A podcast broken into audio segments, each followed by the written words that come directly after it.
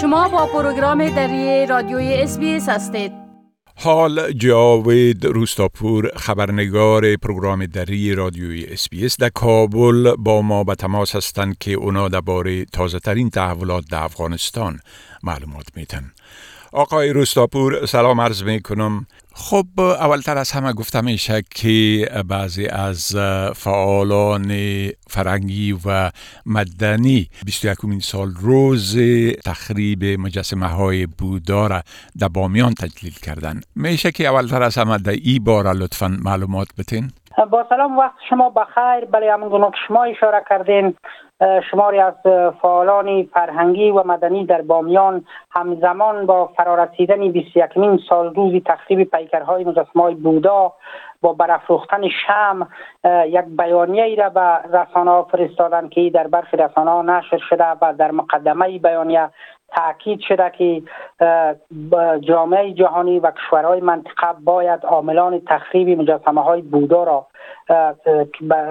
محاکمه کنند. و همچنین در بخش دیگری بیانیه این فعالان فرهنگی و مدنی آمده که حکومت سرپرست طالبان انگیزه برای حفاظت از آبیده های تاریخی ندارد بلکه در تلاش حذف نمادها و ارزش های تاریخی و فرهنگی افغانستان است. فعالان فرهنگی بامیان این یادبود را به گونه مخفی برگزار کردند و در ادامه بیانیهشان تاکید کردند که در ماهای فبروری در ساحه پشت بودا بودای سلسال و شهر قلقله به صورت غیر قانونی از سوی طالبان حفرکاری صورت گرفته و شهرکسازی اینجا ساخت ساز شده و به گفته از یا برخی از آثاری که از این ساحه به دست آمده او را قاچاق کردن به پاکستان. حکومت سرپرست طالبان اما امواره تاکیدش این بوده که ما از باستانی و آثار فرهنگی حفاظت می‌کنیم. چندی پیش هم وزارت اطلاعات فرهنگی امارت اسلامی طالبان تاکید کرد که اینا یک کمیسیونی را ایجاد کردن که در سراسر افغانستان ساحات باستانی و آثار باستانی که موجود است و موقعیت داره یا را بررسی می‌کنن. اگر جای نیاز به بازسازی باشد یا را بازسازی خواهند کرد. بله خب وزارت اقتصاد طالبا گفته که بعضی از پروژه های نیمه کاره کارش دوباره شروع میشه بله؟ مقام ها در وزارت اقتصاد امارت اسلامی طالبان گفتن که سازمان های همکاری های کشورهای اسلامی کاری عملی پروژه های نیمکارش را در افغانستان از تر می‌گیرد. عبدالرحمن حبیب سخنگوی وزارت گفته که امارات متحده عربی قطر و کویت پروژه های نیمکاره در افغانستان دارند و معاون سازمان همکاری های کشورهای اسلامی در دیداری که با سرپرستی وزارت اقتصاد داشته تعهد کرده که در گام نخست کار این پروژه ها را با آغاز سال جدید خورشیدی از سر گرفته خواهد شد و در این بخش یک مقدار پولی هم گفته یا هزینه خواهند کرد. به گفته آقای عبیب این پروژه های نیمکاره در بخش های ساختمانی زراعت و سرکسازی هستند. هرچند سهمی کشورهای اسلامی در بخش بازسازی در افغانستان بسیار اندک است و تعداد پروژه هایی که دارند به ده یا 20 پروژه به گفته وزارت اقتصاد می‌رسد. اما آنچه مهم است است که صدها پروژه که از طرف بانک جهانی بانک انکشاف آسیایی یا تمویل می‌شد یا کارشان نیمت تمام مانده و سرنوشتی از وا معلوم نیست که بزرگترین پروژه از او که در سراسر افغانستان کارهای از وا نیمه تمام مانده برنامه میثاق شهروندی است که ای از طرف بانک جهانی تمویل می‌شد و در روستا روستای افغانستان پروژه دارد در بخش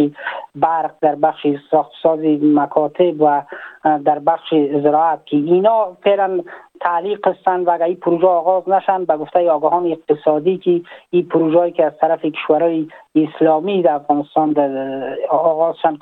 پروژه نیمه تمام یا تعدادشان به یک درصد هم نمی‌رسد. ولی آنچه مهم است پروژه های کلانی که کاراشان نیمه تمام مونده باید تلاش شد. آگاهان اقتصادی میگن که کارهای از یا از سر گرفته شود. بله خب گفتم این شکی یک تن از مسئولین امنیتی طالبا در غور کشته شده. اگر لطفا در ای باره یک مقدار معلومات بتین بله مسئولان محلی طالبان در ولایت غور تایید کردند که شخصی به نام مولوی محمد ابراهیم اسلامیار که مسئول امنیتی در ولسوالی شهرک این ولایت بوده توسط محافظش کشته شده. محمد حماس آمر اطلاعات ریاست اطلاعات و فرهنگ طالبان برای ولایت غور گفته که محافظ اسلامیار تازه به صف گروه طالبان پیوسته بود و به گفته آقای اسلامیار به گفته آقای حماس پس از قتل پس از اینکه فرمانده طالبان را کشته از سوی نیروهای امارت طالبان بازداشت شده و سپس هم او هم کشته شده. این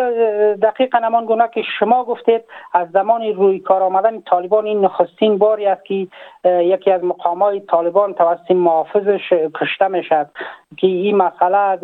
نگرانی های کماکان در میان مقامات طالبان برانگیخته چیزی که در گذشته بود که نفوذی های طالبان در میان نیروهای امنیتی جامعه گرفتن و بعدش هم یا سربازان همسنگری خود را بر اکبار میبستن و یا هم یکی از مقام ها را گمان می رود که